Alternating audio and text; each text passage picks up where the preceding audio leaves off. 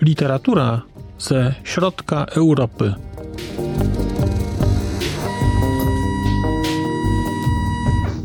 Podcast około książkowy.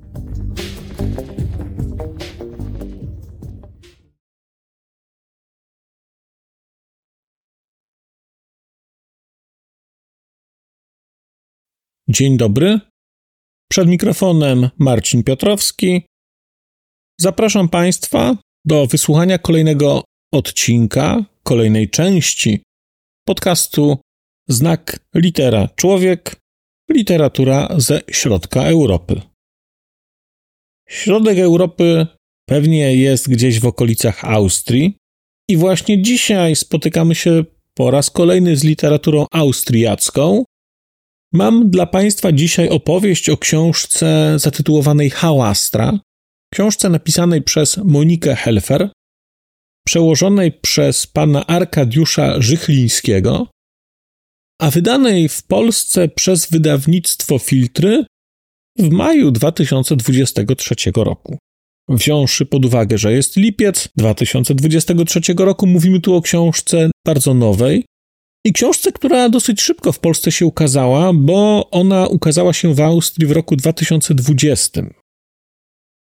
Monika Helfer to jest pisarka już dojrzała, urodzona w drugiej połowie lat 40. albo na początku 50., ale już pisze od jakiegoś czasu. Hałastra to jest powieść niewielka, 170-stronicowa. Powieść, która można by ją było klasyfikować jako rodzaj rodzinnej sagi. Ale jest to saga bardzo, bardzo specyficzna i powiedziałbym nieoczywista. Historia przedstawiona w tej książce zaczyna się w roku 1914, kiedy po wybuchu I wojny światowej do wioski zagubionej gdzieś w Alpach, a właściwie do nawet przysiłka tejże wioski, dociera listonosz z wezwaniem do wojska dla czterech osób. Jedną z osób jest jeden z głównych bohaterów tej książki, Józef.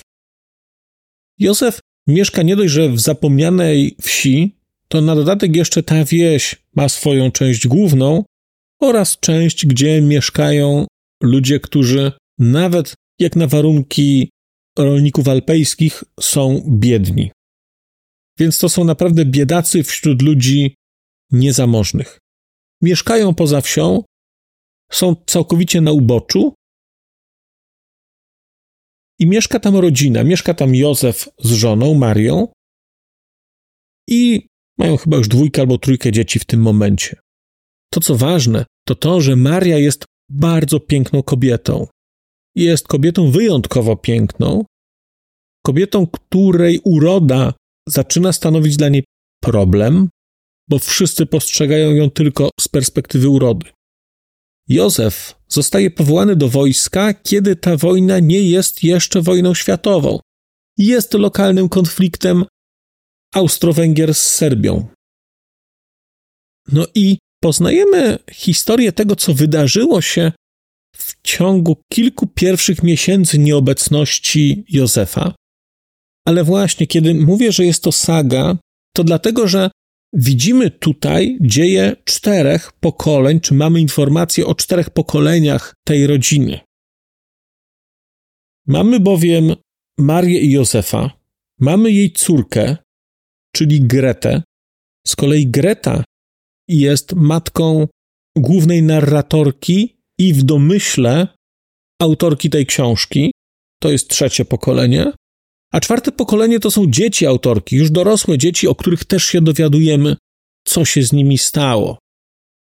I coś, co byłoby teoretycznie banalną sagą, czyli jakąś opowiastką interesującą poznawczo, bo to jest takie spojrzenie na zamkniętą społeczność, taką bardzo, bardzo zamkniętą, bardzo, bardzo tradycyjną, bardzo katolicką, na takim wręcz reakcyjnym poziomie. Ale przez to, jak ta historia jest opowiedziana, to odchodzimy daleko od samego oglądu tej społeczności. Mamy tu bowiem kilka planów narracyjnych. mamy główną historię, która jest historią Józefa i Marii. I to jest historia ich miłości, to jest historia ich związku. Jednocześnie ta historia co jakiś czas przerywana jest, nazwijmy to wstawkami, przerywana jest inną narracją, kiedy główna bohaterka, czyli autorka i narratorka tej książki, zaczyna opowiadać historię w inny sposób, zaczyna rozmawiać z innymi osobami w rodzinie i prosić ich o opowiedzenie czegoś, to też co jakiś czas mamy to samo zdarzenie pokazane z innej perspektywy, albo po jakimś czasie okazuje się, że to ktoś opowiada. Na dodatek mamy też taki zabieg stylistyczny, w którym autorka ujęło mnie to, ujęło mnie to, bo autorka wprost mówi, że nie wie, czy coś takiego miało miejsce. Mówi, że tak to sobie wyobraża. Wie tylko, że coś się wydarzyło, ale dokładnie co i jak opisać uczucia, które ludźmi kierowały, ich myśli, to mówi, że nie wie, że to są jej wyobrażenia tej sytuacji. Jest to bardzo piękna gra z czytelnikiem, ale to jest taka gra, w której nie chodzi o ogranie tego czytelnika. To jest gra, w której chodzi o przekazanie pewnego rodzaju emocji, o pewną lekkość narracyjną, o nadanie temu tekstowi jakiejś takiej świeżości. I to się Monice Helfer bardzo dobrze udało. Ten tekst jest świeży. Banalna z pozoru historyjka, która tutaj jest, nagle nabiera zupełnie innego charakteru dzięki narracji, dzięki temu, że tę historię poznajemy z perspektywy różnych osób. Jednocześnie te perspektywy nie są tak bardzo odległe od siebie. To nie jest tak, że mamy jakieś konkretne rozdziały. Mi ten sposób narracji przypominał trochę historie, które opowiadał u siebie Jean Cabret, czyli mamy jakieś jedno zdanie, które się zaczyna. No u Cabret to jest w formie ekstremalnej. Zdanie zaczyna się w jednym miejscu i czasie, kończy się w innym miejscu i czasie, i ty się, czytelniku, orientuj. No, ja miałem z tego ogromną radość, jak to czytałem, bo, bo uwielbiam takie historie. Tutaj nie jest tak radykalnie, ale nadal odległość to jest jednego zdania. Coś się działa, po chwili orientujemy się, że po chwili dzieje się już coś innego, jesteśmy w innym miejscu, mamy innego bohatera. Jednocześnie jest to zrobione w taki sposób, że nie jest to dla czytelnika dystansujące. To nie jest książka postmodernistyczna. To nie jest coś, co jest wyzwaniem dla czytelnika. To jest bardzo delikatnie prowadzone, ale jednocześnie te przeskoki są i nadają takiej głębi, takiej lekkości i powodują, że ta narracja nie jest taka linearna. Bo historia, którą gdzieś tutaj mamy, jest historią, no powiedziałbym, bardzo klasyczną. Ciekawe, z czym skojarzy się Państwu taka historia. Zamknięta społeczność wiejska, w tej społeczności atrakcyjna kobieta, atrakcyjna kobieta z dużym temperamentem, kobieta całkowicie przez wieś nieakceptowana, kobieta przez wieś obgadywana. Bo to jest historia, moim zdaniem, to jest historia, która jest na poziomie struktury historią opisywaną przez Władysława Reymonta. Jest to w nieco innym miejscu, w nieco innym czasie, ale tylko nieco. Ale pozostałe historie są bardzo podobne. No, oczywiście nie kończy się to aż tak jak u Reymonta, ale nadal to jest ten konflikt, to jest lokalna społeczność, bardzo konserwatywna, żyjąca wedle jakichś przepisów, wedle jakichś zasad, obgadująca się. I ludzie, którzy tam nie przystają. Ludzie, którzy tam nie przystają chociażby dlatego, że główny bohater, czyli Józef, jest osobą, która dobrze liczy, która ma zmysł do interesów, jego dzieci dobrze liczą. No więc, co będziemy robić z takimi ludźmi? No, będziemy w stosunku do nich niedobrzy, będziemy uważać, że oni oszukują, że są cwaniakami. A jeszcze ten Józef się myje, a jeszcze ten Józef dba o rodzinę, a jeszcze ten Józef niespecjalnie się z tymi ludźmi we wsi przyjaźni. Mnóstwo takich teoretycznie bardzo banalnych opowieści tworzy bardzo niebanalną historię, która tu jest pokazana. Pytanie, które ta książka stawia, czy pytanie, które można sobie postawić, jest pytaniem o granicę prawdy.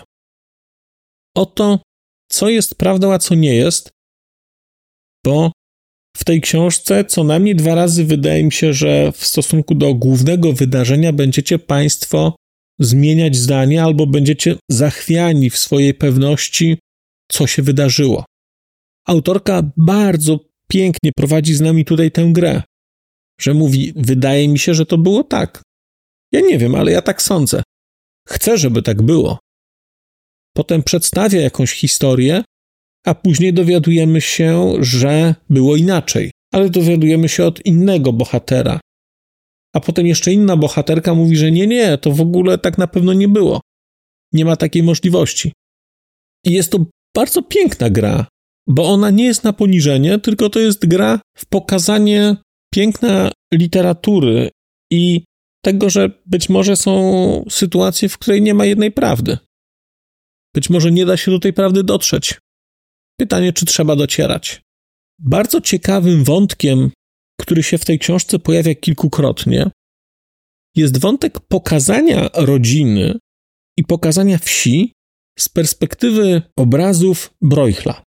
Mamy tu więc sytuację, kiedy przy jakiejś okazji bohaterka ogląda obrazy Broichla, po czym opisuje te obrazy, ale umieszcza na tych obrazach swoje rodzeństwo. Umieszcza na tych obrazach swoich, no znajomych to niedobre słowo, ale swoich sąsiadów ze wsi.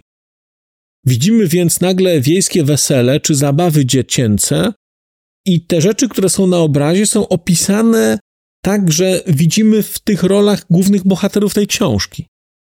Bardzo ciekawy zabieg i ciekawy i też taki nadający tej książce takiej dodatkowej głębi, bo trochę zaczynamy się zastanawiać, czym się różniło życie tej społeczności wiejskiej z wieku XX od tej społeczności z wieku XVI.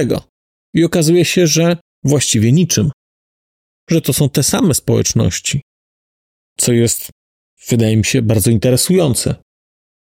No i kiedy czytałem tę książkę, to postanowiłem sobie, że koniecznie muszę napisać do tłumacza z pytaniem o tytuł.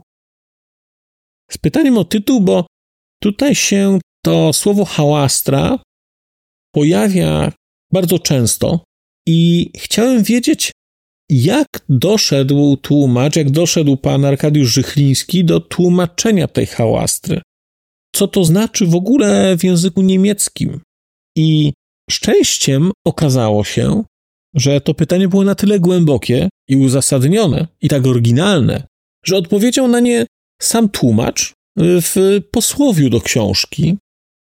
W posłowiu znakomitym, lekko krytyczno-literackim, które to posłowie wprowadza i postać autorki Moniki Helfer, i podnosi wątki dotyczące klasyfikacji tej powieści, struktury, a jednocześnie w tym posłowiu znajdujemy fragment o tłumaczeniu, który to fragment pozwolę sobie Państwu przeczytać. Arkadiusz Żychliński pisze tak. Czytelniczki i czytelników zainteresuje być może na koniec, że niemałym wyzwaniem przekładowym był dla mnie w tym przypadku sam tytuł. W oryginale debugage, debagaż, przepraszam, nie znam niemieckiego, debagaż, co brzmi w rodzimych uszach znajomo. Czy nie chodzi po prostu o bagaż? Ale w języku niemieckim to zapożyczone z francuskiego słowo oznacza dziś co innego. Jego pierwotne znaczenie już jakiś czas temu niemal zupełnie wyszło z użycia.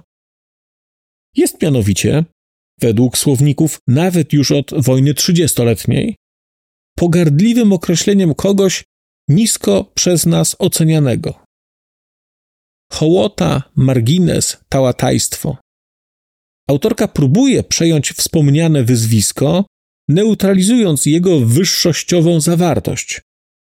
Obdartusy, hachary. Prócz tytułu książka nosi dedykację Für meine Bagage motłoch. Wszystkie podane słowa są wprawdzie zakresowo właściwe, żadne nie wydaje mi się jednak choćby tylko na próbę odpowiednie. We francuskim przekładzie tytułu zrezygnowano z tego odniesienia, wybierając neutralne héritage, dziedzictwo. Podobnie uczyniono i w przekładzie włoskim. I Mosburger, Mosburgerowie. W tłumaczeniu na hiszpański wybrano ewangeliczno uogólniające określenie los ultimos, ostatni. Zaś przekład angielski swoim tytułem Last House Before the Mountain, ostatni dom przed górą, wyraźnie odrealnia książkę, niefortunnie przesuwając ją w sferę magiczności albo romantyczności. W wypadku innych przekładów eksponujących z kolei bagażowy charakter tytułu w wydaniu szwedzkim, duńskim, norweskim, niderlandzkim i czeskim, trzeba by dyskutować o ich faktycznie dwuznacznej wymowie. Co jednak zrobić z tytułem w języku polskim? Spośród kilku wchodzących w grę rozwiązań, z których część przewija się przez powyższy akapit, wybrałem hałastrę. Owszem, znika tutaj wyjściowo dosłowny, z czasem przenośny wymiar ciężaru, owego noszonego na barkach bagażu, własnego pochodzenia. Zaciera się przez to nieco integralny splot przeszłości z przyszłością, aczkolwiek ujawnia się on przecież w całej książce. Zaś dwoistości charakterystycznej dla tytułu w oryginale nie odda zgrabnie bodaj żadne polskie słowo. Poza tym to wybrane posiada pożądany naddatek znaczeniowy, bo są w nim zarówno niechęć i lekceważenie, jak i poufała czułość. Wyraźna choćby wówczas, gdy rozbrykane dzieci określa się czasami mianem niesfornej, choć kochanej hałastry. W tłumaczeniu niekiedy coś tracimy, a zarazem coś nieraz zyskujemy. Lubię myśl, że także powyższy przykład dobrze unacznia tę ogólną zasadę. No i właśnie, to pięknie, pięknie to zostało ujęte, a słowo hałastra z tytułu jest ogólnym określeniem, którym są określani, ale także określają się sami bohaterowie tej książki, czyli ta rodzina Mosburgerów, a właściwie kolejne pokolenia tej rodziny. Oni o sobie mówią hałastra. No i teraz już wiemy dlaczego. Teraz Państwo wiecie dlaczego. Książka Hałastra jest częścią trylogii, którą Monika Helfer napisała. Tam są jeszcze dwie części do tego. Nie ukrywam, że bardzo liczę, że te części ukażą się w języku polskim. Mam nadzieję, że wyniki sprzedażowe hałastry będą takie, że wydawnictwo zdecyduje się na to, żeby kontynuować przygodę, może nie przygodę, ale żeby, żebyśmy mieli szansę poznać inne książki Moniki Helfer z tego uniwersum. Ja Państwu powieść Hałastra bardzo polecam. To jest nieoczywista lektura, jednocześnie napisana bardzo ładnie, z bardzo ciekawą kompozycją narracyjną, z kilkoma bardzo interesującymi takimi twistami, i wydaje mi się, że też książka, która stanowi świetne uzupełnienie chociażby do Józefa Rota i do Marsza Radeckiego.